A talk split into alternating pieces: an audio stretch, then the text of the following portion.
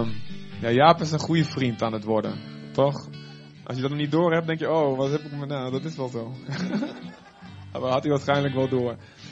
En ehm, ja, en we komen af we zijn uh, vaker ook bij me geweest. Dan wordt het extra gesprekjes. En ik merk dat Jaap het hart van een vader heeft. En dat is zo, zo nodig. En, um, en ook in dat, ook, ook als zodanig willen we hem verwelkomen. Als een vriend, als iemand met, uh, ja, die het vaderhart van God begrepen heeft. En een goede zoon is in het huis van God. En zullen we samen uh, ook nog even staan, jongens. Even staan. En hem zegen, onze hand naar hem uitstrekken.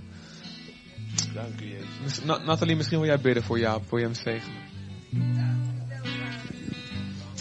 Dank u, Vader Heer. Dank u, Heer, dat u, dat u Jaap, onze broeder Jaap, zo gebruikt, Heer. Dat hij zijn leven geeft, Heer, om u te dienen, Heer. En ook zijn hele huis, Heer, zijn hele gezin. Heer, ik dank u, Vader, ook voor de jaren die, die voorbij, ja, voorbij zijn gegaan, Heer. En uh, de dingen die hij voor u heeft gedaan, Heer. Met een hart, hier vol van passie voor u, Heer. En een hart die u in brand heeft gezet, hier voor zoveel mensen, ook in het buitenland, maar ook hier in het binnen, in, in, gewoon in Nederland. Heer, ik dank u, Vader, hier dat het niet daar zal blijven, hier, maar dat u hem verder zal brengen, Vader, hier. Verder zal brengen in een, in een volgende niveau hier van uh, vaderschap, hier van overziener, hier. Vader, en ik dank u, Vader, dat, uh, dat hij zijn leven voor u heeft neergelegd, hier. En als wij onszelf neerleggen voor u, zal u ons verhogen, hier. Heer, en uh, we zetten onszelf open, Heer, voor uw woord, Vader. Laat het gewoon op goede grond vallen, Heer. Dat het goed zal vallen, Heer. Dat het in ons hart zal blijven, Heer. En dat we iets ermee gaan, ermee gaan doen. Heer, en ik dank u, Vader, dat u een goede God bent, Heer. En dat u onze Vader bent, Heer. En uh, we willen naar u luisteren, Heer. Door onze broer Jaap heen. In Jezus' naam. Amen. Amen. Amen. Ja. Ik heb begrepen dat je extra gebed ook nodig hebt, want je gaat morgen iets heel moeilijks doen. Je gaat naar, naar, naar Bonaire, naar Curaçao, naar Aruba. Ja. Moet je deze, deze geweldige winter verlaten. En, en, en naar die, verschrikkelijk, echt. Dat is het offer wat je als zendeling brengt. Wat een offer als een zendeling, echt waar. waar respect hoor. We doen het je niet na. Ja. Zou wel willen, hè?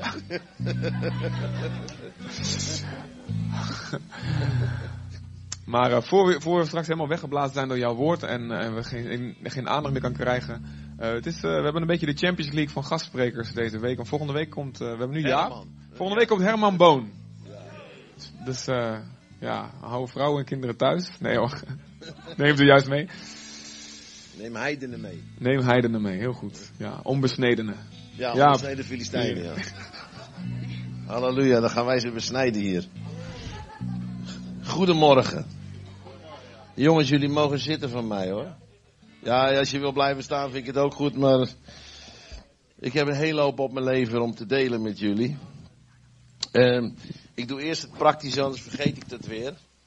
Um, nou, je hebt misschien wel gezien, ik heb uh, een hele etalage weer daar staan vooraan bij de, de koffiebar. En uh, straks na afloop uh, dan gaan we daar ook koffie drinken, neem ik aan. maar er ligt een stapel van deze magazines. Dit is een speciale uitgave van That's Life. Um, en dit is, er staan een stuk of 80, 90 mensen in. Die iets vertellen van hun bediening.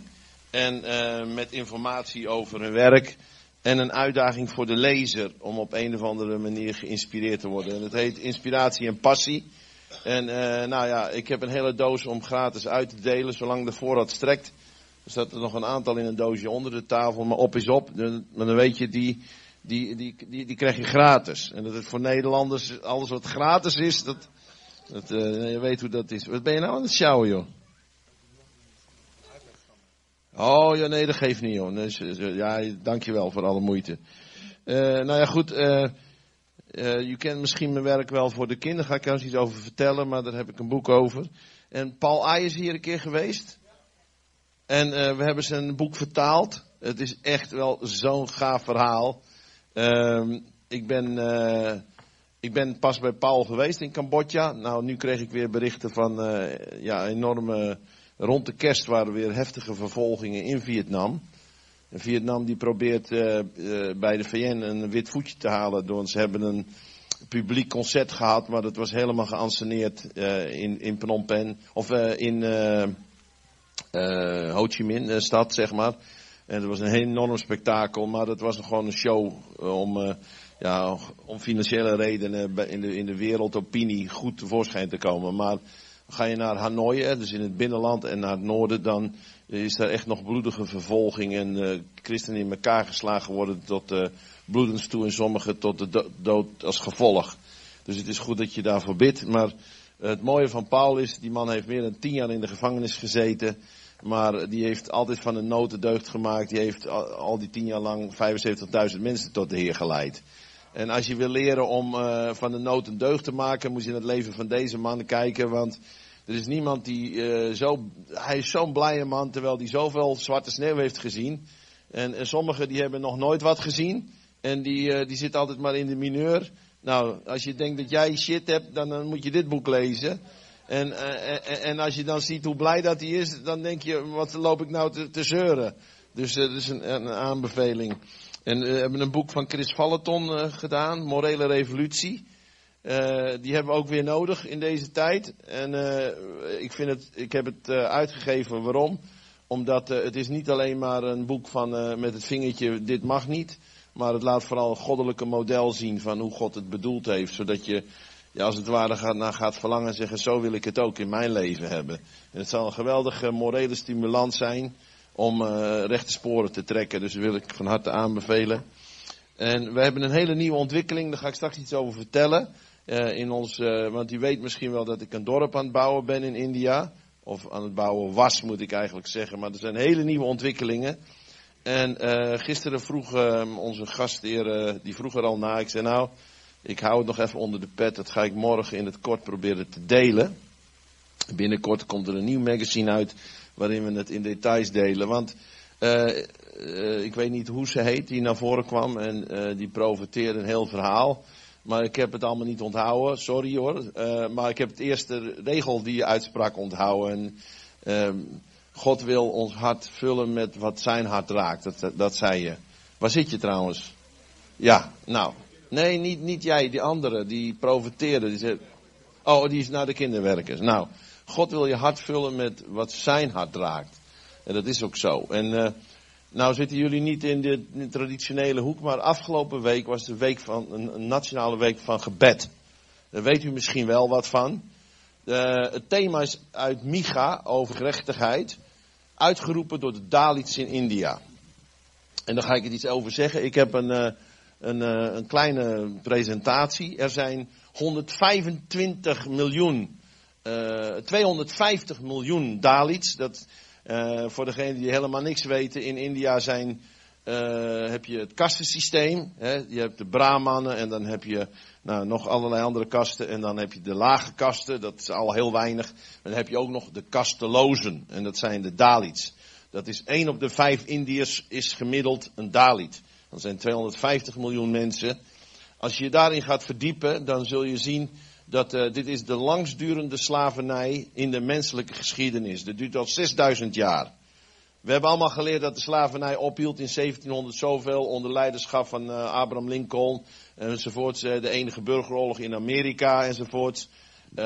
Amistad, een hele interessante film over die geschiedenis. Maar deze slavernij is nog steeds keihard aan de gang. En er is een protocol opgesteld, het protocol van Palermo, dat door meer dan 150 naties is ondertekend. Uh, dat gaat over uh, child trafficking, hè, dus kinderverkoop en mishandeling. Uh, India heeft het tot op de dag van vandaag niet ondertekend, omdat kinderhandel bijna cultureel geaccepteerd is. Historisch zijn er kinderen die verkocht worden tot, voor tempelprostitutie, die ouders die kinderen verkopen voor prostitutie om winst mee te maken. En uh, zelfs al zou de centrale regering dit willen, dan is er uh, nog een hele weg af te leggen om de machten van de duisternis te breken, die uh, ja, 1,2,5 miljard mensen in zijn greep heeft, met deze vuile geest van hindoeïsme. Met alle respect, het is een vuile geest en ik zal daar iets over zeggen. En wij vechten niet tegen vlees en bloed, maar tegen de overheden en de machten in de hemelse gewesten. En die, die, die, die week van gebed is vooral bedoeld voor deze bevolkingsgroep. Ik ga even in het kort wat van laten zien. Want uh, je kunt bijna nog beter een koe dood of een, een dali doodrijden in India dan een koe. In sommige staten van India. En er is gelukkig, en dat heeft u ook in het nieuws gezien de afgelopen weken, van die jonge vrouw die in een bus is verkracht en gestorven. Er is, een, er is een nieuwe wind aan het komen. En ook binnen de Indiase samenleving een roep voor gerechtigheid. Er zijn ook stemmen die opgaan om het kassensysteem af te schaffen. Maar er zijn enorme krachten van de duisternis die al duizenden jaren daar heersen, die niet makkelijk wijken. En daarom moeten we bidden. Want uh, er is zeven jaar voor Moskou gebeden en de muren zijn gevallen, geïnitieerd door Anne van der Bijl. Ik zou eigenlijk willen zeggen, laten wij ook zeven jaar bidden voor, uh, voor het Hindoeïsme en de Dalits. Dat dat juk vernietigd wordt, dat de krachten van God toenemen. Het is in het natuurlijke zo dat als er binnen een bedrijf een omkeer komt, dan moet er genoeg support zijn binnen die organisatie om een nieuwe koers in te slaan en een, ja, een, een transitie, een wijziging door te voeren. Dat gebeurt in de politiek, maar het gebeurt in de geestelijke wereld precies hetzelfde. En, en de reactie van het volk op het vermoorden en verkrachten van dit meisje is een, uh, is, een, is een goed teken. Het laat zien dat miljoenen, ook hindoes die de, onze God nog niet kennen, bui zijn en ziek zijn en zat zijn van hoe het is. En zij, zij willen dat er gerechtigheid is in dit land. En dat is maar één aspect. Even naar het volgende plaatje.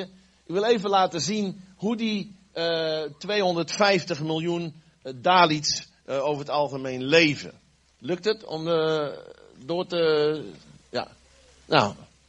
Uh, als je in India bent geweest, dan is als over contrasten. Je hebt mensen die hebben 500 auto's met gouden nummerplaten. Die vliegen in privéjets. Je kunt je niet voorstellen, er zijn mensen rijker in India dan in Hollywood en Amerika en, en wat zovoorts. Terwijl buiten hun poort mensen geboren worden in kartonnen dozen en sterven in de rioolgoot. En dat gebeurt in India. De contrasten zijn buitengewoon extreem. Maar zo leven Dalits vaak op de vuilnisbelt.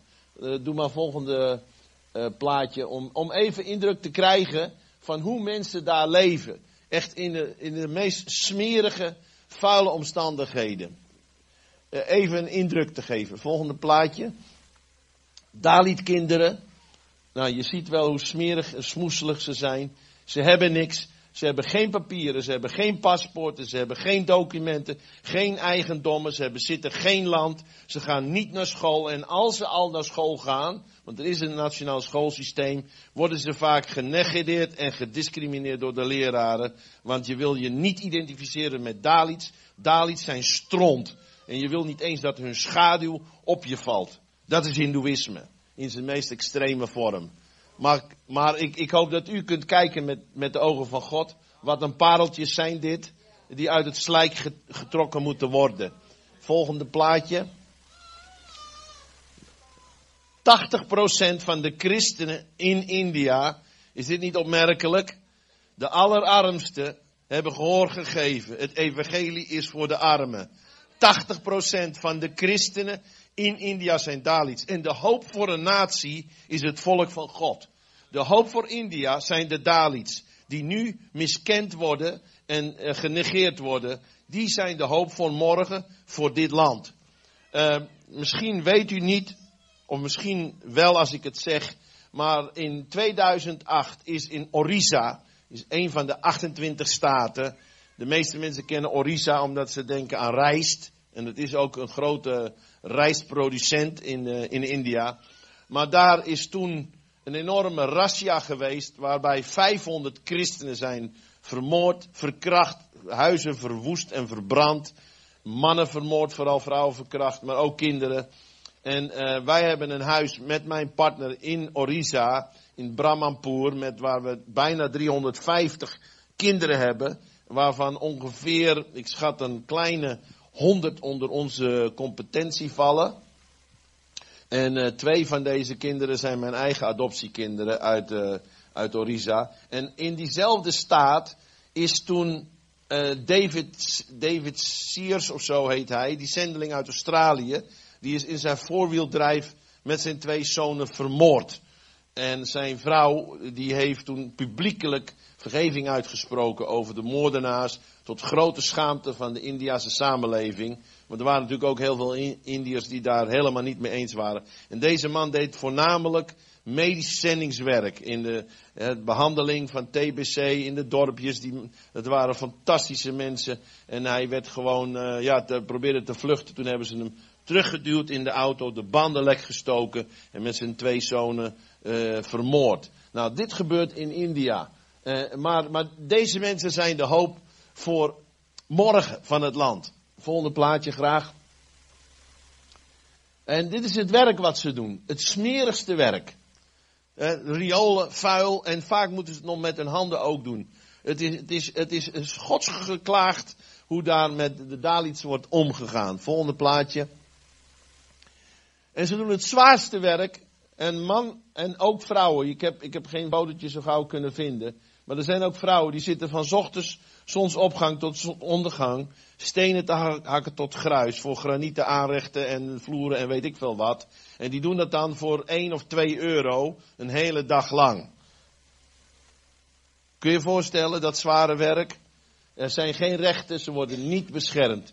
Dit is de realiteit in India. Volgende plaatje. Hier is een uh, schoolmeester met, uh, uh, die, die dan les geeft. En nou, ik heb het al gezegd, kinderen worden vaak genegeerd in school. En waardoor ze niks leren. Waardoor ze ook heel moeilijk aan de armoedecyclus kunnen ontsnappen. Omdat ze zich niet kunnen ontwikkelen. Onderwijs is een belangrijke sleutel in dit geheel. Volgende plaatje. Kijk eens, wat een prachtige kinderen. Wat een pareltjes. En God heeft een beter plan met deze kinderen. Volgende plaatje graag. Omdat ze niet kunnen leren, komen ze op straat terecht. En dit is, dit is bewezen. Alle kinderen die op straat terechtkomen, sterven binnen drie jaar. Tenzij ze worden gepakt en uh, nou ja, heel vaak dan als slaaf ergens, dan hebben ze nog meer overlevingskansen. Maar als ze op straat blijven zwerven, dan sterven ze binnen drie jaar. Heel vaak door uh, rabbies, want er lopen heel veel besmette honden, hè, wilde honden in India rond. Als ze uh, die kinderen bijten, dan is einde verhaal. Maar ook door ondervoeding. Soms worden ze gewoon doodgereden door roekeloze chauffeurs. Ze slapen langs de kant van de weg in een kartonnen doos. Door ondervoeding, gewoon door onderkoeling, door allerlei. Eh, ik bedoel, dat is nooit het plan van God voor één kind geweest. Ik heb vijf kinderen. En als ik me identificeer hiermee, dan denk ik, wat een ellende, wat een...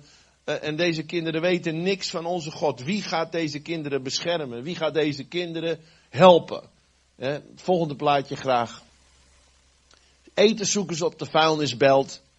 Dit is de realiteit die je niet vaak hoort in de kerk, want dat willen we niet graag horen. Dit is te verschrikkelijk en uh, daar wil je eigenlijk niet mee identificeren. Maar Jezus is in een stal geboren, niet in een paleis. En dat is niet zomaar. En ik weet niet of je het weet, maar vroeger in die stallen, dan let die mest met stro bedekt. En het stonk er naar urine. En het stonk er naar, nou ja, eh, alle, geuren die er in stront en urine zitten. En het was dus een, een, een dampende stal, die daardoor ook warm blijft. En dan in, in het voorjaar werd die mest uit, uitgereden. Zo ging dat vroeger. Heel primitief. In zo'n toestand werd Jezus geboren. Jezus identificeert zich met de allerarmste. Volgende plaatje graag.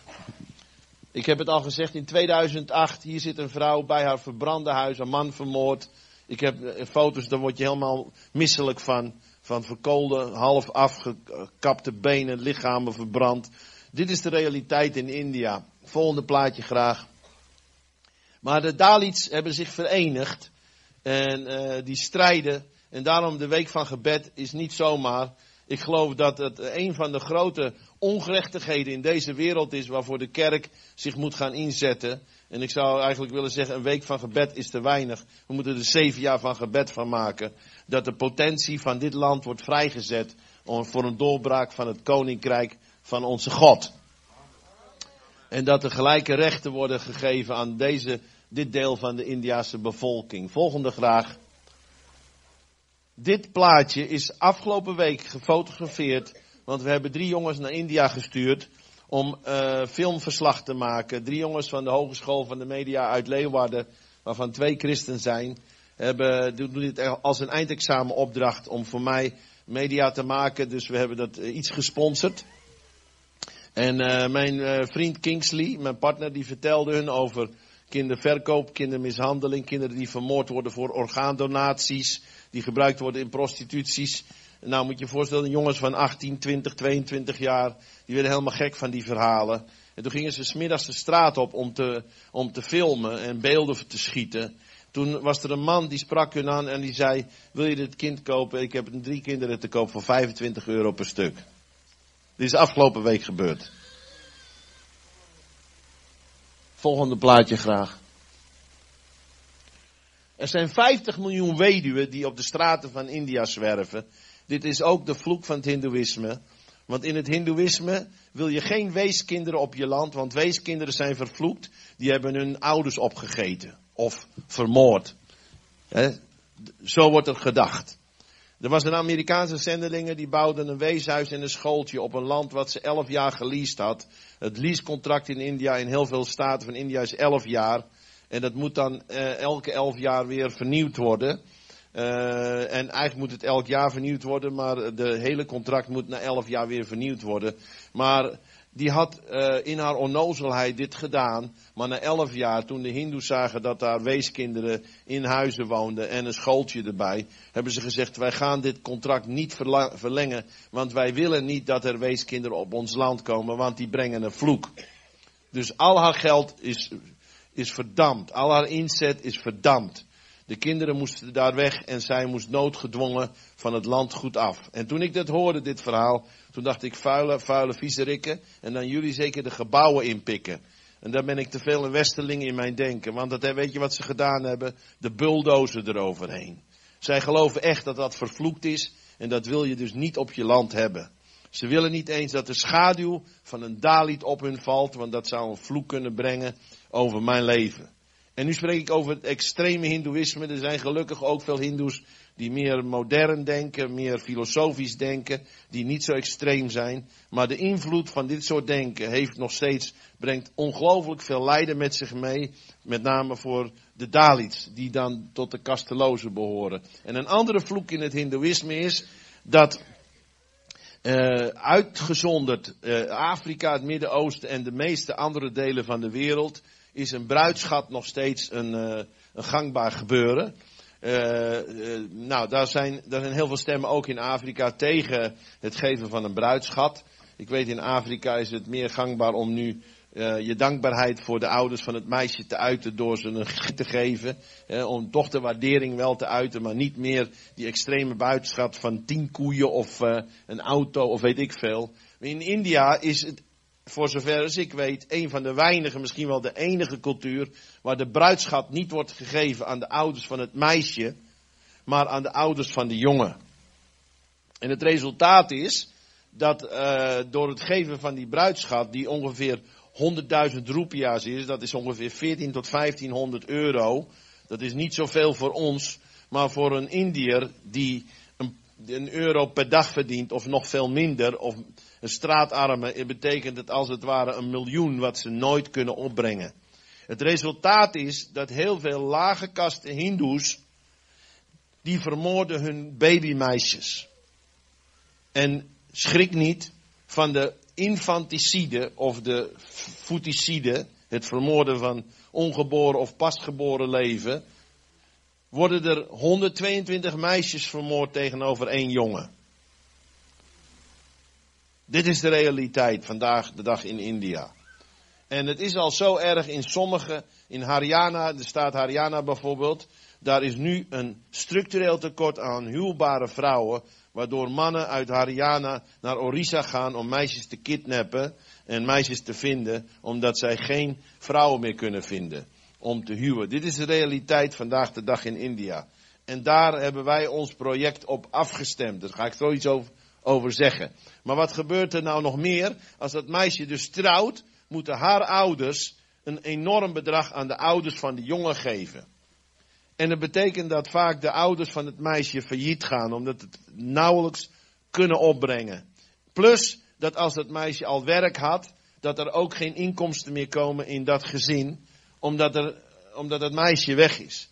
En zij gaat dan wonen in het huis van haar schoonouders. En het is vaak de bedoeling dat ze zorg draagt voor haar schoonouders en haar man enzovoorts. Maar sterft haar man nou plotseling, dan in het oude hindoeïsme, dan werd de levende vrouw vaak ook mee verbrand op de brandstapel met de gestorven echtgenoot. Tegenwoordig gebeurt dat minder. De nieuwe, nieuwe stijl is dat ze de deur wordt uitgetrapt door haar eigen kinderen. Dat erfdeel wat van haar ouders is meegekomen, gaat naar de familie van haar gestorven man. En zij krijgt een trap onder de kont. En daarom zijn er vandaag de dag 50 miljoen weduwen in de straten van India. In Varanasi, een stad in het noorden, niet zo heel ver van Delhi, daar zijn meer dan 50 miljoen. Heel veel weduwen proberen daar naartoe te gaan omdat ze hopen eh, in hun onwetendheid in het hindoeïsme, dat ze als ze sterven, dat ze dan ja, in die heilige stad beter terugkomen met een beter leven. Je weet de reïncarnatiegedachte achter het hindoeïsme. En daarom zwerven er meer dan 50 miljoen weduwen. Wij hebben een, uh, een, een, een idee. Uh, wij willen graag weduwen opnemen in onze weeshuizen. Want dan kunnen die de liefde geven aan die kinderen die geen ouders hebben. En die kinderen die kunnen dan ja, die hebben dan eigenlijk ook weer een beetje eh, een vader en een moeder. En, uh, en andersom, ze kunnen voor zover ze nog gezond zijn meehelpen met wassen, koken en zorgen voor de kinderen. En ze hebben ook weer een nieuw doel in het leven. Maar dit is een verschrikking van India. Volgende plaatje graag. Dit ziet er prachtig uit. En er is toekomst. Een God is een positieve God. Hij zegt tegen Ezekiel, wat zie je? Dorre doodsbeenderen. Wat zie je? Ze zijn zeer dor. En dan zegt God tegen hem, kunnen deze beenderen herleven? En Ezekiel is heel diplomatiek en eigenlijk ook een beetje een religieuze freak. Hij zegt, heren, u weet het. Ja, dat is echt zo'n dode op, dood, dooddoener, hè. De Heere weet alles. Ja, natuurlijk weet God alles. Maar waarom denk je dat hij dat tegen Ezekiel zei? Hij wilde hem betrekken bij zijn heilsplan om een ommekeer te brengen. En God zei niet, uh, ja ik weet het. Hij zei, zo kom je er niet vanaf Ezekiel. Ik wil jou, ik laat jou zien wat de nood is. Maar ik wil dat jij profiteert en dat je leven spreekt. Gisteren heb ik gesproken over de kracht van woorden. Dat je leven leert spreken over deze situatie. Ik spreek leven over India. Dat is mijn passie om daar dat land te zien veranderen. En dat dit de toekomst mag zijn van de Dalits. Gelukkige moeders met gelukkige kinderen. En niet alleen jongens, maar ook vooral meisjes. Volgende plaatje graag. Uh, dit zijn een deel van de kinderen in Orissa. En daar heb ik mijn eigen twee adoptiekinderen. Volgende plaatje graag. Uh, dit is wel heel even leuk om te vertellen. Uh, daarachter is Kingsley, dat is mijn partner. Kingsley zou mijn zoon kunnen zijn, want hij is denk ik 32 of 33. Hij heeft net een babymeisje gekregen. Hij heeft twee jongens. Maar dit is een heel apart verhaal. Zijn opa was een toverdokter die kwam tot bekering. Zeg ik het goed? Nee, zijn overgrootvader was een toverdokter, kwam tot bekering. En natuurlijk ging hij de Heer dienen. Zijn zoon, die werd voorganger. Dus de opa van Kingsley werd voorganger. En uh, toen hij voorganger was, ik heb die man net niet leren kennen. Want uh, de eerste keer dat ik naar Kingsley ging, was hij net gestorven, zijn opa. Maar ik heb wel in de kerk die zijn opa heeft gesticht, uh, heb ik gesproken. En, en ik heb ook zijn oma ontmoet. Ik heb een foto, oh wat een prachtige mens ook. En, en die opa, die had al oog voor weeskinderen, want die pikte een jongen van de straat op. De opa van Kingsley. En die jongen die hij van de straat oppikte, dat was die man hier vooraan. En die groeide dus op uh, als een halfbroertje van de vader van Kingsley. Even, kun je het nog volgen? En deze man is nu het hoofd van het kinderhuis. Een vaderloze jongen is nu de vader van het kinderhuis. En de ouders van Kingsley, je kunt het lezen, in het verhaal is heel bijzonder.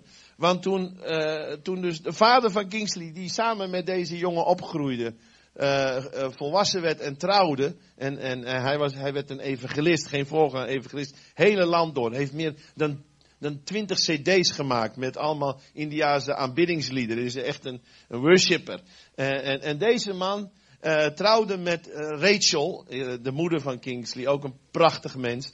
En toen werd ze zwanger en toen kreeg ze een ongeluk. En de dokter zei, ik denk dat je kind brain dead is. Uh, als hij al niet sterft in de moederschoot. En uh, eigenlijk moet je de vrucht weghalen, ook in het, uh, ja, in het belang van je eigen leven. En toen heeft ze zich afgezonderd met haar man en gezegd: Heer, als mijn baby leeft en gezond geboren wordt, dan zullen wij voor de wezen en weduwe zorgen. Nou, dat moet je nu net niet tegen God zeggen, want dan. Als je, als je wilt weten wat gaat aan het hart van God, waar de godsdienst is, omzien naar wezen en weduwe. Dus, uh, en Kingsley werd kerngezond geboren, korte tijd later.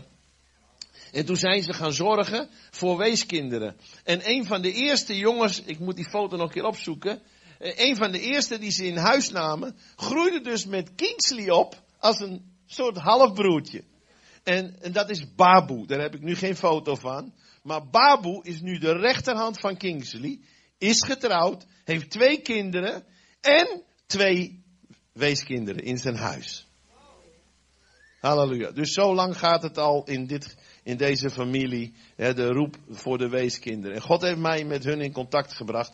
Nu zorgen zij voor meer dan duizend kinderen.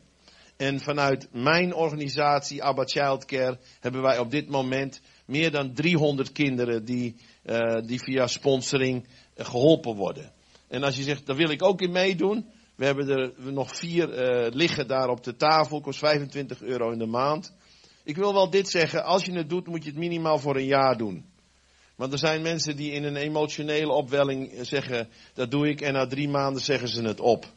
Dat kun je ook niet doen met je eigen kind. Wij willen dat als je het doet, dat je, dat je als het ware de verantwoording van een ouder op je neemt en zegt, ik ben verantwoordelijk tot het volwassen is. Snap je? Nou zeg ik niet dat dat moet, want er kunnen redenen zijn dat je het niet meer kunt. Maar in principe neem je de verantwoording voor een kind. En dat, dat doe je tot het volwassen is. En maar in ieder geval hebben wij de protocol ontwikkeld dat we gezegd minimaal voor een jaar. Want anders is de administratie, eh, administratieve rompslomp voor, voor, voor drie maanden willen wij helemaal niet eens aan beginnen. Dan hebben we liever dat je gewoon een losse gift geeft voor ons werk. En dat is natuurlijk ook hartstikke welkom. Als je niet kunt garanderen dat je die zorg uh, ja, op je wil nemen, maar je zegt ik wil losse gift, ook welkom. Nou, volgende plaatje. Dit zijn, is ons nieuwe plan, dat ga ik u vertellen. Want wat gebeurde er nou? We hebben een vriend, Bartel Bos, die woont in Helmond. En Bartel die, die stuurde uh, naar Kingsley 20.000 euro. En heeft gezegd, ik wil dat je hier land verkoopt. En dat je dat in bruikleen geeft aan arme Dalits. Die ook kinderen willen adopteren. Zodat zij ook een stukje aan hun eigen onderhoud uh, kunnen voorzien. En uh, nou, Kingsley had er land voor gekocht en uh, een aantal gezinnen die dat stukje land verdeeld hè, in een percelen. En op een zekere dag heeft hij dat land overgedragen aan die mensen. En daar had hij de pers bij gehaald. Het was een beetje protocolair natuurlijk, hè, een beetje leuk gedaan. maar toen gebeurde er iets heel bijzonders. Want de rijke hindoes die kregen lucht van dit verhaal. En kwamen met een groep om Kingsley te molesteren. Want hoe haal jij het in je hoofd om land aan Dalits te geven? Dan ben je knettergek. Dat is uitschot. Je wil nog niet eens dat hun schaduw op je valt. Die hebben duizenden jaren nog nooit ene centimeter land bezeten. En de realiteit is, want ik was in Orisa in november. Ik ben in een Dali-dorp geweest. Dat dorp is platgebrand tijdens de rellen in 2008.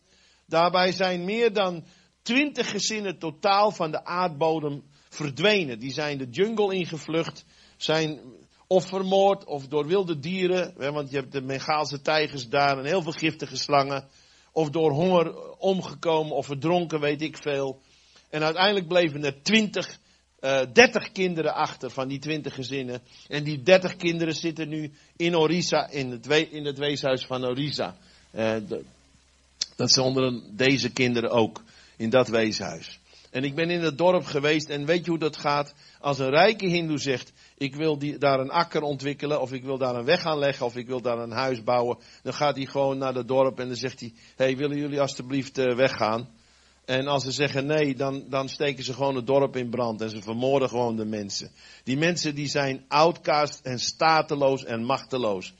En God heeft ons een openbaring gegeven van een nieuw plan. Want toen die, die hoge hindoes kwamen om mijn vriend te molesteren, is hij als een speer in de auto gesprongen en weggereden. Maar er was de pers bij. Hij had de pers uitgenodigd. En de pers die maakte een persberichtje. En uh, dit kwam in de lokale media. Maar dat werd opgepikt door de uh, nationale media. En het werd nationaal nieuws. Dat er een revolutie aan de gang was. En dat uh, iemand land had gegeven aan Dalits. En toen gaf God ons het volgende idee. want in diezelfde periode gebeurde het dat Kingsley zich bewust werd van de enorme sterfte van babymeisjes. En in de ziekenhuizen worden honderden baby's achtergelaten, meisjes. En dat is eigenlijk nog verkapte liefde van de moeders. Want heel vaak als ze dat meisje mee naar huis nemen, vermoordt de vader het. Want die willen geen meisjes vanwege de bruidschat. En het is dan in de hoop dat iemand dat kind dan, ja, gewoon voor dat kind gaat zorgen dat het kind overleeft. Maar het is zo erg, de rijke hindoes, die wel geld hebben om dokters om te kopen, die gaan voor een, uh, voor een, noem je dat, een scan. En als het een meisje is, dan laten ze het aborteren en, en, en dan wordt het gewoon weggehaald. Maar de arme hindoes hebben helemaal geen geld, dus die kunnen sowieso al niet uh, een scan doen. En uh, die kunnen ook een dokter niet betalen. Dus die wachten tot de baby geboren is en dan vermoorden ze het kind. En dat doen ze op allerlei manieren. De klassieke manier is om ze te koken en dan aan de honden te voeren. Ja, dit, dit wil u niet horen, maar dit is de realiteit. Ik zou je zeggen, ik heb een haat-liefde met India. Ik hou ontzettend veel van de mensen, maar ik haat de duisternis in het land. Die moet teruggedreven worden. En dat betekent dat je de feiten, je moet het door de doodsbeenderen zien. Is kan, dit land nog herleven? Wees eens heel eerlijk, dan kun je bijna, ik moet bijna zeggen, Heer, u weet het. Ik kan bijna niet meer geloven als je dit soort dingen hoort. Er zijn artsen die hebben honden achter hun praktijk om de foetussen op te eten, zodat het bewijs dat ze meisjes vermoorden wordt, wordt vernietigd en zij geen rechtsvervolging kunnen krijgen. Er zijn ouders die de nieuwe, de nieuwe methode op dit moment is door het kind in een natte koude handdoek te wikkelen, een pasgeboren baby, zodat het longontsteking krijgt. Dan ga je naar de arts die geeft antibiotica. Dan kom je thuis, zet je het kind in een emmer koud water, gaat het dood.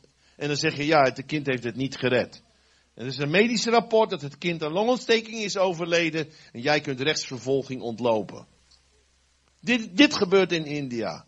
En er zijn duizenden babymeisjes die op deze manier aan, aan hun einde komen. Met het toekomstperspectief dat er straks minder vrouwen zijn als mannen, waardoor er een enorm uh, ja, uh, on, onevenwichtigheid, een sociaal onevenwichtigheid in het land ontstaat. Met alle gevolgen van dien. En toen is dit idee ontstaan bij mijn vriend. Weet je wat? Wij willen voor de kerst, willen wij tien van deze meisjes redden. En uh, die hebben we dan bij adoptieouders. En die adoptieouders zijn Dalits. Want er zijn geen Hindoes. Die hebben dus niets te maken met die mindset. Die zijn zelf ontsnapt aan niemand zijn tot kind van God te, worden. Die hebben de liefde van dat, dat plaatje met die, met die moeder die je net zag. En die gaan we die kinderen geven. Maar die zijn zo arm. Dus wat gaan we nu doen? We geven hun een stukje land. In bruikleen voor 20 jaar. De eerste 10 jaar krijgen ze support voor de adoptiekind. Maar ze krijgen geen 25 euro in de maand. Ze krijgen 12,5 euro in de maand. Waarom? Wij hoeven geen huis meer voor ze te bouwen. We hoeven geen personeel meer. Want het kind dat eet gewoon met de pot mee. Maar we ondersteunen nog wel een klein beetje. En we hoeven ze ook geen 18 jaar te sponsoren. Want na 10 jaar zijn ze self-supporting. En dan mogen ze het land nog 10 jaar gebruiken. En we gaan ze helpen met een spaarprogramma. Zodat ze na 20 jaar dat land kunnen kopen. En dan zijn ze landeigenaren. En niemand kan ze van dat land afjagen, want dat land staat in onze naam genoteerd. Dat is geregistreerd, dat is ons eigendom. Dus er kan ook geen rijke hindoe komen en zeggen weg hier, want dit land is van ons. Dus we bieden hun zekerheid. En wat we nu gaan doen, want we wouden eerst een dorp bouwen. Nou, de reden dat we het niet bouwen is eigenlijk veelvuldig. Maar laat me het kort samenvatten. Nadat we, we hadden twee stukken land. Nadat we het eerste hadden gepasseerd bij de notaris. Toen bleek op die dag dat de tweede eigenaar niet kwam opdagen. Toen moest mijn vriend weer naar Rajasthan vliegen vanuit Chennai. 2000 kilometer vliegen. Tweede keer kwam hij weer niet opdagen. Nou, toen was mijn vriend natuurlijk ook gefrustreerd van ja, het is niet niks om iedere keer dan 2000 kilometer heen en weer te vliegen voor het tekenen van documenten. Nou, toen bleek dat die man meer geld wilde hebben. Want er was een gerucht dat wij speculanten waren en de urbanisatie trok op, hè, de verstedelijking. Nou, en dat het land dan heel veel geld waard zou zijn. Nou, we hebben het met die lui gepraat en gezegd, jullie zijn knettergek. Wij zijn alleen maar, het belang van kinderen staat bij ons vooraan. We zijn helemaal niet geïnteresseerd en we zijn helemaal geen speculanten. Maar uh, hoe dan ook, ze waren niet op andere gedachten te brengen. En zij vroegen de hoofdprijs. Toen hebben we geïnformeerd met de autoriteiten. Die hebben gezegd, die urbanisatie die kan nog wel 30 jaar duren. Uh, voordat het zover gekomen is. En het is, je bent knettergek als je die prijs voor het land betaalt. Want het is het niet waard en niemand anders wil het land kopen.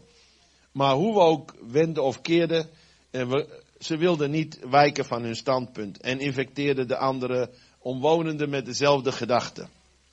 Nou kun je net als in Nederland, dan kun je uh, iemand in gebreken stellen. Hè? Als jij een huis koopt en je betaalt niet, dan moet je boete betalen. Kunnen wij ook doen. Maar we hebben dat niet gedaan. Allereerst omdat het India is. En het een hele lange procedure kan worden. En de derde reden is, als we het doen en wij winnen het, dan is onze relatie met alle bewoners uit die omgeving verstoord. En dan moet je daar met al die kinderen gaan zitten. Dus wij, uh, nou, ik heb een hele tijd dit niet gecommuniceerd, omdat er geen duidelijkheid over was. Dat ik dacht, ja, wat moet ik tegen alle Nederlanders dit moeilijke verhaal uitleggen? Nou, uiteindelijk hebben we nog andere dingen geprobeerd, maar het lukte niet. Dus we konden maar een half dorp bouwen. We konden maar voor 500 kinderen. Toen gebeurde er nog iets anders, iets prachtigs wat God deed. Want wij leerden een nieuwe partner kennen in India, die heet uh, Jesus Heals Ministries. En dat klinkt heel erg christelijk, en dat zijn ook christenen. Maar ze hebben geen eens een website, want dat is een hele groep rijke zakenmensen. Die heel erg gecharmeerd was van wat wij doen. En die hebben ons al geholpen door tien woonunits te bouwen. Negen woonunits, samen voor 225 kinderen in Orissa. En uh, die hebben ons geadviseerd, omdat heel veel van die zakenmensen uit Rajasthan komen, die hebben gezegd, er zit een politieke wisseling aan te komen. En als jij 500 kinderen is nog veel te veel als je die op één locatie hebt, dan gegarandeerd krijg je alle wind van voren.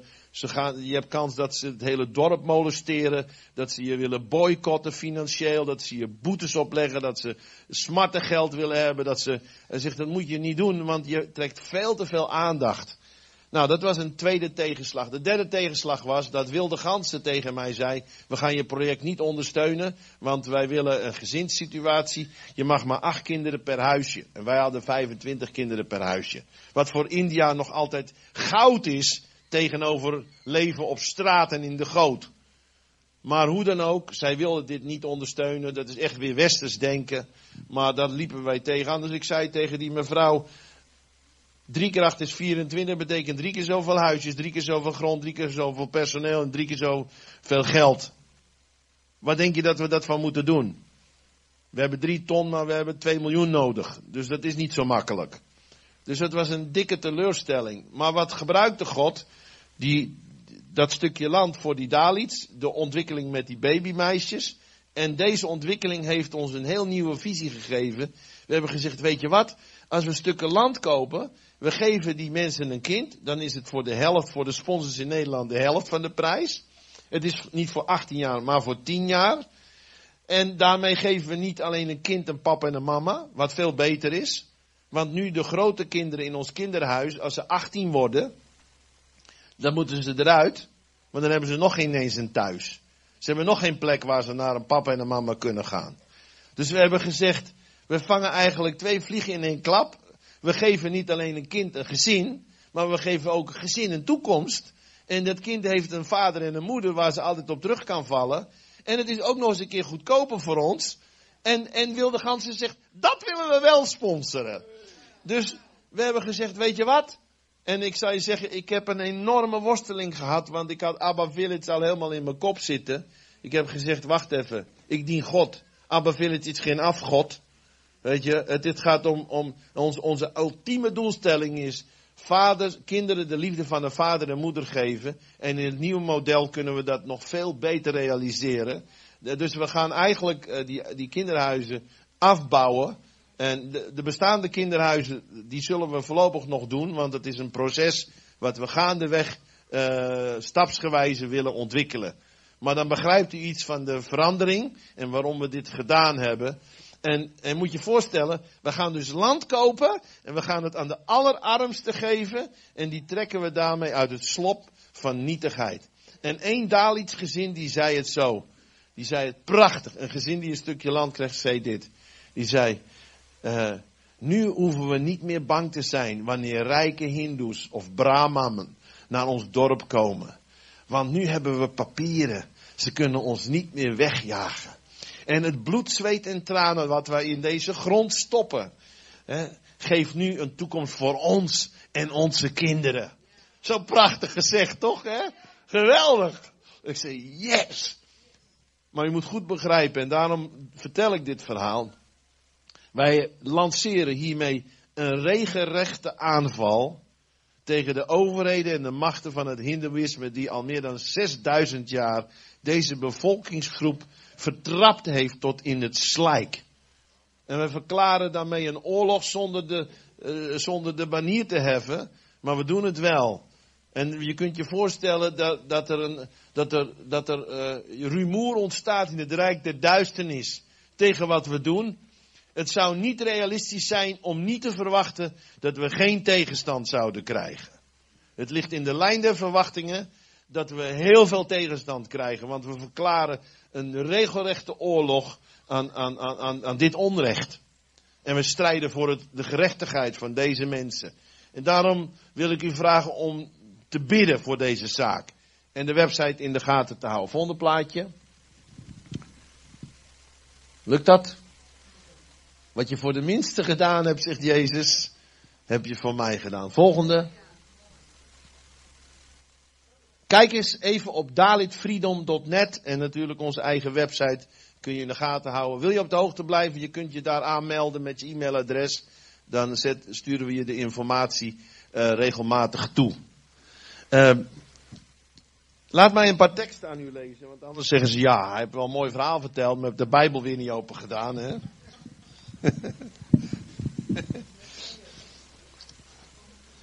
Ik wil gewoon even een paar teksten lezen waar meestal in onze kringen niet over gesproken wordt. Maar dit staat in Jesaja 85. Is dit niet het vaste dat ik verkies? De boeien der goddeloosheid los te maken. De banden van het juk te ontbinden. Verdrukte vrij te laten. En elk juk te verbreken. Wij zijn hier bezig om het juk van deze bevolking te verbreken. Is het niet dat gij voor de hongerige uw brood breekt. En arme zwervelingen in uw huis brengt. Ja, als gij een naakte ziet dat gij hem bekleedt en u niet onttrekt aan uw eigen vlees en bloed. Dan zal uw licht, een belofte hè, belofte. Als je dit doet. Dan zal uw licht doorbreken als de dageraad. En uw wond u spoedig sluit. Uw heil zal voor u uitgaan. En de heerlijkheid des Heren zal uw achterhoede zijn. Andere tekst. Jezaja 1 vers 3 en 24. Uw vorsten zijn dit is eigenlijk een aanklacht. En helaas zijn er ook kerken die zich hier schuldig gaan maken. Uw vorsten zijn opstandelingen en metgezellen der dieven. Ieder van hen is belust op geschenken en jaagt beloningen na. Er zijn prosperity kerken waar de voorgangers in de, de dikste huizen, de grootste auto's rijden. Nou, je, je hoeft voor mij ook niet in een, in een verrotte wagen te rijden, daar gaat het helemaal niet om. Weet je, het is eigenlijk verschrikkelijk als u wakker legt over dat u uw hypotheek niet kunt betalen. Waar ligt een ouder wakker van als een kind verdwenen is? Als wij, als wij, als wij zeggen wat de profetie van vandaag zegt. ik wil dat je, ik wil je hart, ik wil je hart raken met wat mijn hart raakt. Dit raakt het hart van God. Dit raakt het hart van God. Wij zouden slapeloze nachten moeten hebben. Dat er zoveel miljoenen kinderen op straat zwerven. Die niks weten van de liefde van onze God. Ik zeg niet dat je nooit geen zorgen kunt hebben over je financiën. Dat hoor je mij niet zeggen.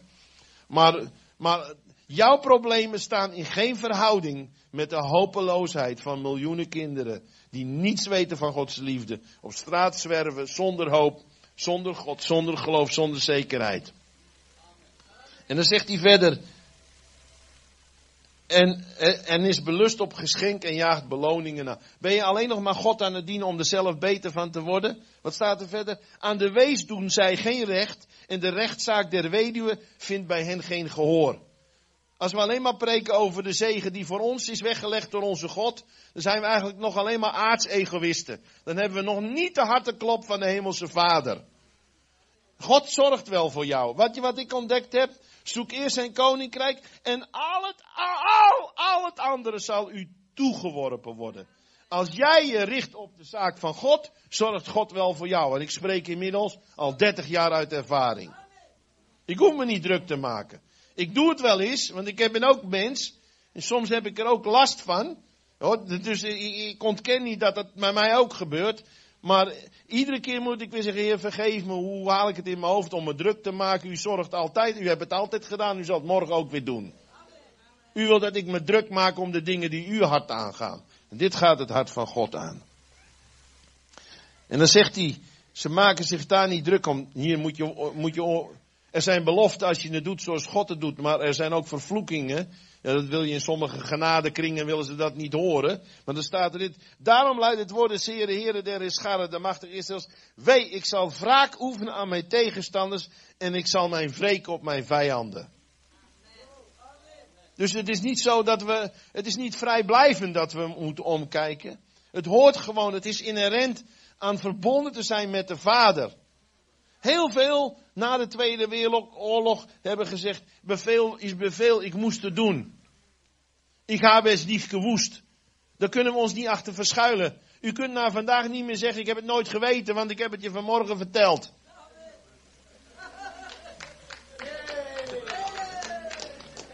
Andere tekst. Teksten waar je bijna nooit over gepreekt wordt, die krijg je vandaag te horen. Jeremia 22, vers 3 tot 5. Zo zegt de Heer, doe recht en gerechtigheid. Bevrijd de bureau, doe recht en gerechtigheid. Gerechtigheid is een heel belangrijk thema waar de kerk weer wakker voor moet worden. Bevrijd de beroofde uit de macht van de verdrukker. Doet vreemdeling, wees en weduwe schade nog geweld aan. En vergiet geen onschuldig bloed op deze plaats. En dan moet je kijken, weer een belofte van God. Want indien gij dit nauwgezet doet, nauwgezet, dan zullen door de poorten van dit huis koningen binnengaan, die gezeten zijn op de troon van David, rijdende in wagens en op paarden, hij zelf met zijn dienaren en zijn volk. Maar indien gij naar deze woorden niet hoort, heb ik gezworen bij mijzelf, luidt het woord van de Heer, dat dan dit huis tot een puinhoop zal worden. En je kunt je afvragen waarom sommige kerken een puinhoop zijn. Omdat ze alleen maar God dienen om er zelf beter van te worden. Als wij leven voor het welzijn van de zaak van God, zal God ervoor zorgen dat ons huis geen puinhoop wordt, maar dat de koning zal binnengaan door de poort. Zo'n kerk willen we toch zijn of niet dan? Jeremia 5, vers 27. Als een korf vol gevogelte, zo zijn hun huizen vol bedrog. Daarom zijn zij groot en rijk geworden. Ze zijn vet en glanzend. Zelfs gaan zij alle boosheid te buiten. Dan zeg je, is dat allemaal zo erg dan? Nee, dan let op de volgende vers. Het pleitvoerers zijn niet, het pleit van de wees. En ze hebben voorspoed. Het recht der arme richters zijn niet. Zou ik hierover geen bezoeking doen uit het woord des Heren? Of zou ik aan een volk als dit mij niet wreken? Ontzettend en afschuwelijk is wat er voortvalt in het land. Wat er voorvalt in het land is ontzettend en afschuwelijk.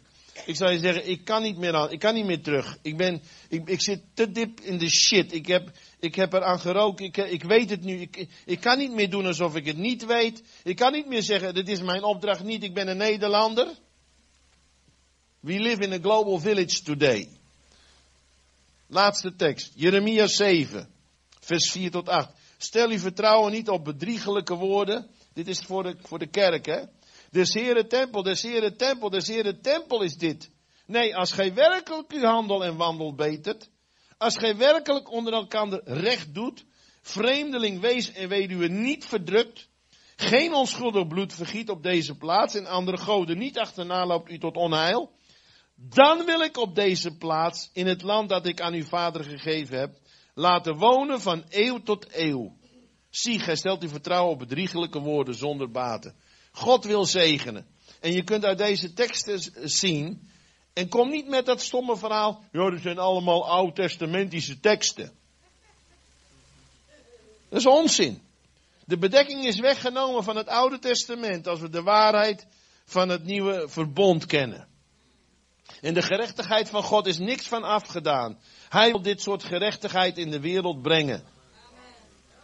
Zoek eerst zijn koninkrijk en zijn gerechtigheid. Het is niet alleen maar het koninkrijk. Wij moeten strijden voor gerechtigheid. Ik wil nog iets anders met jullie delen. Hoeveel tijd heb ik nog? Dit soort preken hoor je niet vaak, hè? Misschien heb je wel de pest aan mij gekregen. Het zal mij een worst wezen. Daar zit ik niet mee. Dat is uw probleem. Dan moet u maar mee klaar zien te komen dan. Oké. Ik heb hier, en dit is zo prachtig. Uh, we weten namelijk het verhaal van de barmhartige Samaritaan. In, uh, ik geloof Lucas 18 is het. Lucas 18. Dat verhaal. Er komt er een schriftgeleerde bij Jezus. En die zegt, wat moet ik doen om het eeuwig leven te beërven? Als je wil weten wat er in het hart van God is, hetzelfde met de rijke jongeling. Wat moet ik doen om het eeuwig leven te beërven? Is dat een verkeerde vraag? Nee. Het is goed dat je daar een antwoord op vindt. Want er komt de dag dat we allemaal zullen sterven en hebben we dan eeuwig leven. Maar als die vraag beantwoord is, moet jij daar niet meer mee bezig zijn. Maar hoeveel christenen zijn alleen maar bezig met hun eigen redding?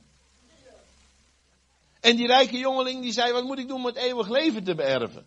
En dan zegt Jezus dit. Heb God lief boven alles en je naast als jezelf en uh, geen overspel en eer uw vader en uw moeder. Heb ik allemaal gedaan, zegt hij. Dat is in Matthäus 18, hè? Dat verhaal. Heb ik allemaal gedaan. En dan zegt Jezus dit. Eén ding ontbreekt je nog. Eén ding. Neem al je rijkdom, verkoop het en geef het aan de armen. Dan zul je een schat hebben in de hemel. Want je, laat, laat ik interpreteren hoe ik dat zie. Jezus zegt eigenlijk, jongen, het is wel goed, jouw redding is al klaar. Je bent al gered. Je maakt je er wel heel erg druk over, maar je houdt je aan het woord van God. Je hebt God lief, want je wilt zeker zijn dat je in de hemel komt. En eigenlijk is het allemaal al geregeld. Want je leeft in gerechtigheid. Maar je snapt nog niet waar mijn hart echt voor klopt. Dat was het profetie van vanmorgen. Mijn hart klopt voor al die arme drommels die niks weten van mijn liefde. Je komt al wel in de hemel, maar je hebt daar helemaal niks te zoeken. Je hebt daar geen schat. Want je begrijpt nog niet waar het echt om draait. Waar het echt om draait is, dat als je een schat in de hemel wil hebben, is dat je nu hoog schat wat mijn schatten zijn. En dat zijn die kostbare mensenzielen. Die arme drommels die niets weten van mijn liefde. Als je nou echt een schat wil hebben in de hemel, niet alleen maar zelf in de hemel wil komen, maar ook een schat wil hebben in de hemel, Zorg dan voor die gasten. Kijk naar ze om. Stop je geld in die mensen. En de Bijbel zegt, hij werd bedroefd en hij ging heen. En weet je, dat verhaal is een oud verhaal. Het is 2000 jaar oud. Maar hoe actueel is het vandaag de dag? Want hoeveel kerken zijn niet alleen maar bezig met hun eigen redding. Hè? En als dan God zegt, kijk om naar de armen, dan zijn ze ineens niet thuis. Ik zou je zeggen, wat mij de afgelopen jaren heeft gechoqueerd is dit. Dan komt Michael W. Smith. Die komt in de Gelderdoom. En je betaalt 50 euro voor een kaartje. Om twee uur geëntertained te worden. En dan rij je er nog naartoe een halve tank. En je neemt nog een paar cola in een patatje. En je bent 150 euro kwijt. En dan vraag ik mensen, wil je een kind sponsoren voor, voor 25 euro in de maand? En dan haken ze na drie maanden af, dan hebben ze er geen geld meer voor. Hoeveel christendom is alleen maar entertainment? Ik zeg niet dat, ik zeg niet dat je niet naar Michael W. Smith mag gaan. Dat is hartstikke mooie muziek. Het is geen kritiek op Michael W. Smith. Het is kritiek op de christenen. Want hou maar een bidstond voor de nood in de, hou maar een collecte. Dan is niemand thuis. Maar als het, als het, als het om jezelf te vermaken is, dan blijkt ineens dat er wel geld voor is. Waar ligt onze prioriteit? Ik zal nog, ik zal nooit vergeten dat ik uh, Schindler's List heb je wel eens vast gezien, hè? Ik, aan het einde barst ik in tranen uit. Die rijke man had zoveel gedaan voor de Joden. Maar aan het einde brak hij zelf. Hij zegt, had ik deze auto nog maar verkocht, dan had ik misschien nog zes Joden kunnen redden. Had ik mijn horloge maar verkocht, dan had ik misschien nog iemand kunnen redden. Waar is onze harteklop? Echt. Ik wil je hart vullen met wat mijn hart raakt. Gods hart breekt voor deze verloren wereld. Maak je toch niet druk over je hypotheek, man. Al moet je je huis verkopen, dan is er nog wel een huis voor je, hoor. Laten we eeuwigheidsperspectief hebben in onze passie voor deze wereld en voor mensen. Weet je, toen ik die film gezien had, toen dacht ik, ja, waar, waar leef ik nou voor? Weet je wel? Wat is mijn grote passie?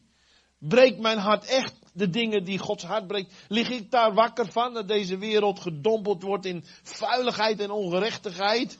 En wil ik me inzetten voor de strijd van waarheid en vrijheid en gerechtigheid? Dat, ik, ik, geloof dat is de kerk die het respect van de wereld zal terugverdienen. Die dat hoog in zijn vaandel heeft staan.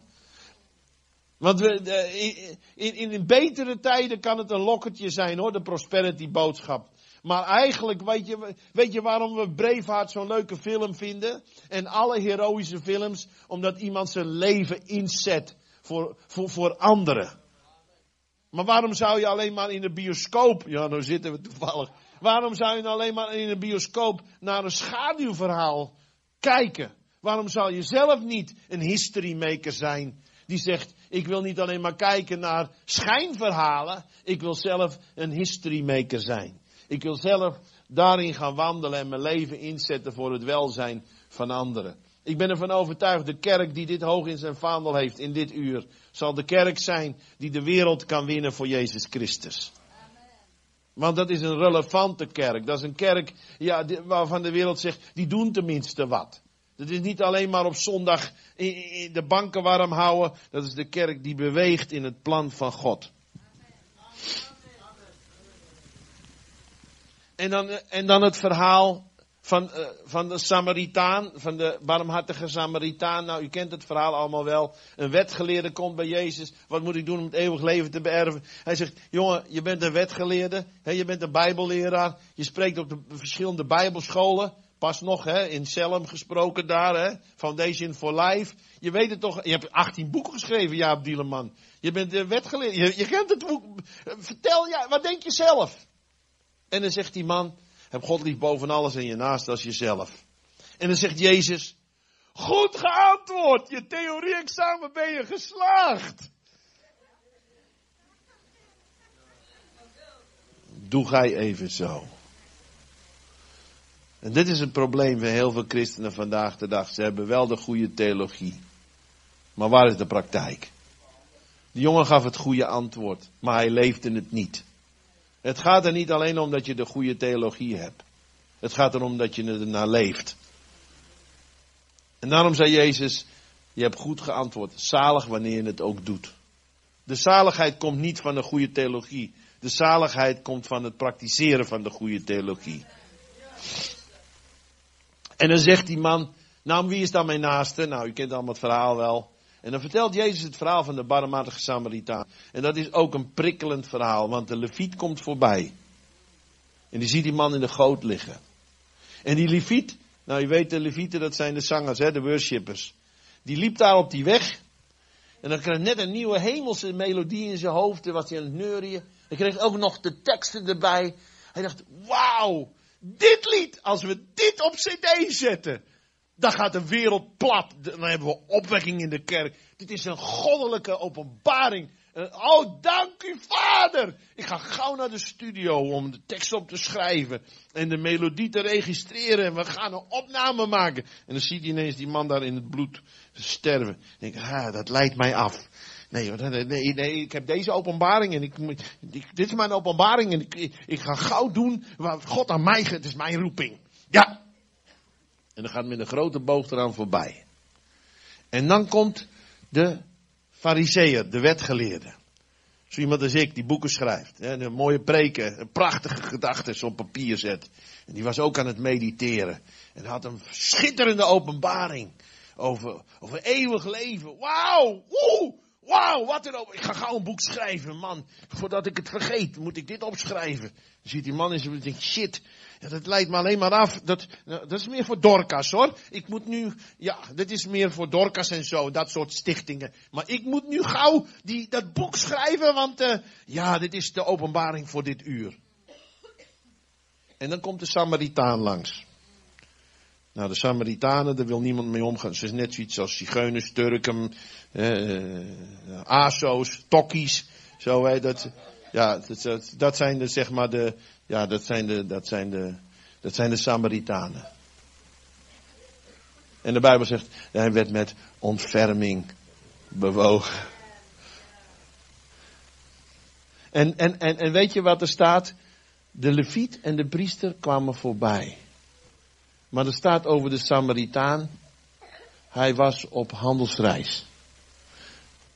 Dat betekent dit, de leviet en de priester hadden geen echt doel. Die kwamen toevallig voorbij. Die hadden waarschijnlijk meer tijd om aandacht te besteden, maar deden het niet. Deze man had een missie, die was op weg naar een bestemming, maar hij onderbrak zijn bestemming omdat hij in het hart geraakt werd. Hij onderbrak zijn missie om zorg te verlenen aan die man. En vandaag de dag zijn er zoveel Samaritanen. Dat zijn de mensen die hebben niet altijd de goede theologie. Dat zijn de bono's. Dat zijn misschien de moeder, sommigen zeggen moeder Teresa, maar die theologie van moeder Teresa. Ja, ik weet niet of die goed is of niet. Ik heb me er eerlijk gezegd niet in verdiept. Maar ik weet één ding wel. Haar leven was wel goed. En het is, ik hou geen pleidooi voor verkeerde theologie. Maar ik hou pleidooi voor goed leven. Amen. En hier wil ik mee eindigen. Want het gaat over de Samaritanen. In India zijn de Samaritanen de Dalits. In Nederland zijn de Samaritanen misschien wel de allochtonen. En de tokkies. En de aso's. En de randfiguren. En noem ze maar op. Je kunt ze misschien wel aanwijzen. De gypsies. Noem ze maar op. En dan staat er dit. want uh, ook de discipelen zeiden. Zelfs Jezus zei. Ga niet naar de Samaritanen. En bij de bron was de vrouw. Zeg je, hoe kun jij als een, tot mij als een Samaritaanse vrouw? Weet je? Als je dat echt bestudeert. Maar dan moet je naar het boek Handelingen gaan. Dan breekt er een vervolging uit tegen de kerk. En luister goed, dit is Handelingen 8 vers 1 en 2 geloof ik. Dat kun je misschien even de, achter, achter eh, de laptop uh, projecteren. Ik heb het hier. En daar, daar staat er dit. En ik hoop dat u me goed hoort, want hier wil ik mee afsluiten. Dit slaat in Handelingen 8, vers. Ja, vers 5. Vers 4 en 5. Er kwam vervolging. Kun je projecteren? Ja, dat gaat wel lukken, of niet? Handeling 8, vers 4 en 5. Degenen die verdreven waren, trokken rond en verkondigden het woord van God. Even wachten. Zij verkondigden het woord van God. In de NBG-vertaling staat, en zij predikten het evangelie. Hoor je nog wel eens wat van die lui? Nee. Kijk naar het volgende vers. En Filippus daalde af naar de stad van Samaria en predikte hun de Christus. Er zijn mensen die prediken het woord. En er zijn mensen die prediken de Christus. Wat is het verschil? Je kunt goddelijke principes leren. Maar is Jezus de harteklop van je boodschap? We hebben in Nederland verschillende bijbelscholen. Er is nu een genadeleer die verkondigd wordt. Waar Christus heel vaak niet eens in is. Met al respect. Ze verkondigen een leer. En die leer is goed in elkaar gespijkerd. Ze hebben de teksten prachtig aan elkaar gekoppeld. Maar soms is het ook geladeloos. Want ja, als je het niet snapt, nou ja, dan heb je, nog, dan heb je het gewoon nog niet gesnapt. Want als je het wel gesnapt zou hebben, dan zou je wel uit je, eh, uit je invalidekarretje opgestaan zijn. Dan zou je geen problemen meer hebben als je het snapt. Jij hebt de openbaring gewoon nog niet. Hoe genadeloos is die genadeleer dan wel niet? En het is een leer. Ik heb ontdekt, het grote verschil tussen dit vers en vers 4 is, Filippus predikte de Christus. Jezus stond centraal in zijn boodschap. En let op, in welke stad ging hij prediken? Waar geen Jood naartoe wilde gaan. Samaria. Hij ging naar de Dalits, naar de Gypsies, naar het uitschot, naar de Tokkies. En hij had, hij had de opwekking. Je leest over de opwekking in Samaria. En die was zo groot dat de hele stad in beweging kwam. Dat zelfs de discipelen en de apostelen uit Jeruzalem kwamen kijken wat er gebeurde. En dat niet alleen. Eh, eh, het, het ging nog, nog veel verder. Want de Bijbel zegt toen ze daar geweest waren en zij terugtrokken naar, teruggingen naar Jeruzalem. Dan moet je maar even opzoeken hoor, ik weet even de vers niet. Maar dan staat er dit. En op de terugweg gingen ze langs vele dorpen der Samaritanen en predikten het evangelie. En nog veel meer kwamen er tot geloof. Er is een dimensie waar de kracht van God wordt in vrijgezet als wij de moed hebben om naar de allerverschopte en vertrapte mensen te kijken. En dat is niet makkelijk.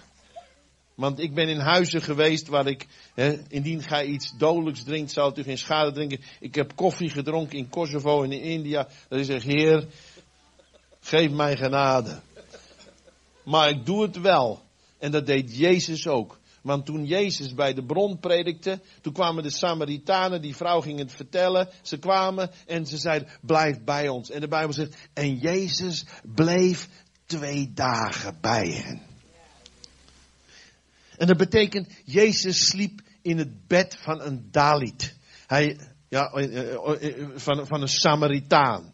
Hij sliep in hun bed. Hij at hun voedsel, terwijl de kakkerlakken door het huis liepen. Hij identificeerde zich. Ik zou je zeggen, het is niet makkelijk. Ik heb geworsteld met God toen God met deze. Want ik zei, ik ben een leraar, ik ben een prediker en een schrijver en ik train leiders. Ik zou je zeggen, ik heb mijn, mijn angsten moeten overwinnen voor ziektes en vuiligheid en, en, en, en gevaarlijke mensen en onbetrouwbare mensen. Maar ik wil niet meer terug voor geen miljoen niet meer. Want Jezus werd in een stal geboren. Ik wil naar de allerzwakste gaan. Ik wil daar het hart van God uitgieten. En weet je wat er gebeurt? Als jij dat doet. En je gaat naar iemand waar niemand naar omkijkt. Wat denk je dat dat doet voor het eergevoel van deze mensen? Ze zien mij staan. Ik ben toch wel belangrijk. Jij alleen al door bij ze te komen, til je ze op en geef je ze bestaansrecht en waardigheid.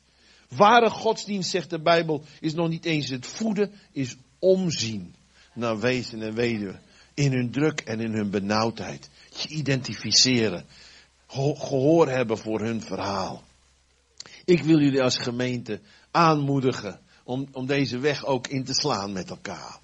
En dit te omhelzen. Je moet erover mediteren. Het kan misschien helpen om een boek te lezen. Er is trouwens nog een ander boek, is inmiddels in het Nederlands vertaald. Het gat in het evangelie. Door de directeur van World Vision. En het hele apart is, mijn auto heeft het begeven. Dat heeft me een mega bedrag gekocht. Dus ik heb, een, ik heb gezocht naar een andere auto. Dit is zo'n apart verhaal, dat wilt u bijna niet. Ja, u wilt het wel weten natuurlijk. Het is zo apart. Ik heb een vriend in Noord-Holland, die doet in auto's, die zei, ik, ik zeg, kijk jij eens voor mij naar een goede auto. En hij zegt, ja, ik heb toegang tot een website voor privéverkopen als garagehouder. Daar betaal ik een abonnement voor, daar kun jij niet opkomen. Maar ik zal eens voor je kijken. En toen meldde hij me terug. Hij zegt, ik heb een auto gezien in Harderwijk. Een BMW, en uh, daar rijd ik dus nu in. Dus ik, nou, dat, ik, uh, ik zeg, nou, dit ziet er wel inderdaad goed uit, uh, privé en netjes onderhouden enzovoort. Dus ik ging daar naartoe en ik raak met die man in gesprek. En ik zeg, wat doet u voor werk, meneer? Hij zegt, ik ben directeur van World Vision. Hij zegt, ik ben directeur geweest van Kruistochten, tegenwoordig Open Doors. En we hebben nog een kalender uitgegeven met jouw schilderijen, twintig jaar terug. Daarna ben ik directeur van Dorcas geweest. En nu ben ik directeur van World Vision.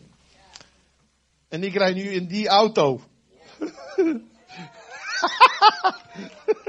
Is het niet apart?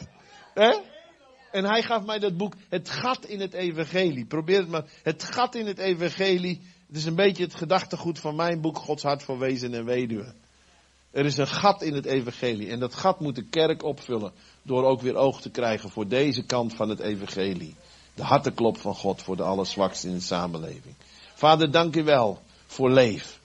En dank u wel, heren. Ik geloof dat een, een van de profetische opdrachten voor, dit, voor deze kerk. En begrijp me niet verkeerd, want Ezekiel uh, van de dorre doodsbeenderen gaat natuurlijk over het huis Israëls. Hè? Dit is het ganse huis Israëls. Maar het is ook een profetische opdracht. Dat wij de moed hebben om door het dal van dorre doodsbeenderen van onze moderne samenleving heen te lopen. En overal te zien en wat we in India zien, maar ook in andere landen. En dat God dan als het ware tegen ons zegt. Christian, gemeente leef, kunnen deze beenderen herleven. En dat we ons niet onttrekken aan onze profetische opdracht. Om leven te verklaren en ons in te zetten. En te zeggen, hier ben ik Heer. Ik wil niet alleen leven spreken, ik wil het proclameren, ik wil het ondersteunen, ik wil het beschermen, ik wil het bemoedigen, ik wil het helpen bouwen, ik wil het helpen ontwikkelen. U wil geschieden, uw koninkrijk komen. Duisternis wordt teruggedreven. En waar begint dat mee? Het begint heel simpel. Met bereidvaardigheid. God zegt, doe de, doe de schoeisel van de bereidvaardigheid. Weet je, ik sta hier ook maar als een hele simpele jongen. Ik, heb ik zeg, heer, hoe moet ik dat nou doen? Hoe moet ik nou fondsen werven? Hoe moet ik dat nou allemaal doen? Ik zou je zeggen, sinds ik dit pad ben ingeslagen, ik heb meer vragen dan antwoorden. Ik weet het ook vaak niet. Maar God zegt, ik wil alleen maar dat je mijn partner bent. Ik wil dat je het ziet. Ik wil dat je mijn hartenklop kent. En ik zal je wijsheid geven. Ik vraag van jou geen vaardigheid. Ik vraag, ik vraag van jou de bereidvaardigheid. En als je bereidvaardig bent, dan zal God je de vaardigheden geven die je nodig hebt om er ook handen en voeten aan te geven. En daarom wil ik toch een oproep doen. En de meeste van jullie zijn christenen. En dus ik, eh, ik hoef in die zin geen oproep voor bekering. Alhoewel, is hier iemand die zegt, ik wil deze Jezus echt kennen. Hoe, hoe, hoe gaat dat in zijn werk? Nou, dan wil ik heel graag voor je bidden. Is er iemand die zegt, dat wil ik ook? Zo'n evangelie heb ik nog nooit gehoord. Die Jezus wil ik ook graag kennen. Hoe kan die in mijn leven komen? Nou, dat is heel makkelijk. Dan gaan we voor je bidden. Is er iemand die zegt, dat wil ik? Of heeft u het al? Steek je hand eens omhoog. Kijk eens goed om je heen of iemand zijn hand niet opsteekt, want dan arresteren we hem gelijk. Oké, okay, ja? Ja?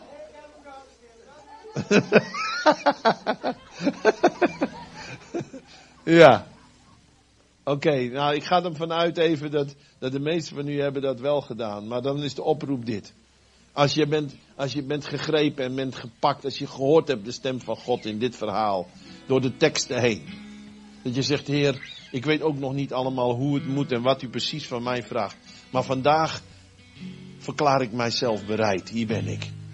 Dan wil ik je gaan vragen. Ga dan staan. Doe het niet lichtvaardig. Doe het niet goedkoop. Want God houdt je eraan, hè? Als je er nog niet uit bent, heb ik liever dat je er nog een paar weken over nadenkt. En het welgemeend over een paar weken doet. Want je doet het niet voor mij, je doet het ook niet voor Christian, je doet het ook niet voor de persoon die naast je zit, je doet het ook niet om indruk op anderen, je doet het voor God. Maar als je het woord begrepen hebt en je zegt, Heer, ik weet niet wat u van me vraagt en ik weet ook niet hoe het moet, maar, maar ik wil daar ook in participeren. Hier ben ik, Heer. Ik ben bereid. Leid u mij maar. Ga dan staan, dan ga ik voor je bidden. Ga voor je bidden. Dank u, Jezus. Even, even, even, even, even. We gaan eerst bidden. Dank u, Jezus. Dank u, Jezus. Vader, dank u wel. U ziet ons staan voor uw aangezicht. En sommigen zitten nog, en dat is ook goed, want u kijkt ten diepste naar ons hart. Heer, maar ik bid in het bijzonder in eerste plaats voor degenen die zijn gaan staan en zeggen, Heer, ik, ik, ik weet helemaal nog niet eens hoe. Maar ik ben geraakt door uw woord van morgen. Ik wil ook bewogen worden met dat wat u beweegt. Ik verklaar me bereid vanmorgen. Hier sta ik, Heer. Wilt u mij maar leiden door uw geest? Wilt u mij maar inzetten? En misschien is het helemaal niet India en het maakt ook niet uit, het gaat om je bereidheid. Misschien is het wel gewoon Nederland. Misschien is het wel gewoon Zutphen in de achterstandswijken. Misschien is het veel dichterbij dan je denkt. Heer, ik wil u zegen bidden. Laat dit een welgevallige, aangename offerande zijn. Ons lichaam als een levende offerande. Ze staan hier als levende offeranders. Mensen die zeggen vandaag, Heer, ik wil voor u leven. Ik wil, ik wil ja zeggen. Ik, ik verklaar mezelf bereid om datgene te doen wat u me laat zien. En ik bid niet alleen voor, voor de, de fijne mentaliteit van overgave, maar ik bid dat u het gaat beantwoorden door tot een ieder te spreken. Wat het is. En het zal voor iedereen iets anders kunnen zijn. Er zijn misschien collectieve dingen die je als gemeente doet met elkaar. Maar er zijn misschien ook wel individuele roepingen op je leven. En ik bid, Heilige Geest, wilt u dit woord bevestigen? Wilt u tot een ieder spreken? Wilt u het duidelijk maken? Omdat we handen en voeten mogen geven aan uw woord. Dat uw woord daadwerkelijk vlees en bloed wordt in de expressie van onze dagelijkse leven. Ik wil u zegen daarvoor bidden. En ook voor degenen die nog zijn blijven zitten. Heer, en die, eh, ja, die geen goedkoop ja willen zeggen. En maar gewoon het heel diep willen overwegen. Heer, omdat ze nog worstelen misschien om die prijs te betalen. Omdat ze er nog niet uit zijn. Wilt u ook een ieder zegenen. Of die nou staat of zit. En ik bid, Heer, Heer dat, dat de, de, de profetische opdracht van leven is. Om naar de dorre doodsbederen te gaan. En in de naam des Heren te profiteren. Dat er leven zal zijn over Zutphen, over de Achterhoek, over Nederland, over Europa en tot de uiteinde van de aarde vanuit deze plaats. In Jezus' naam. Halleluja. Amen.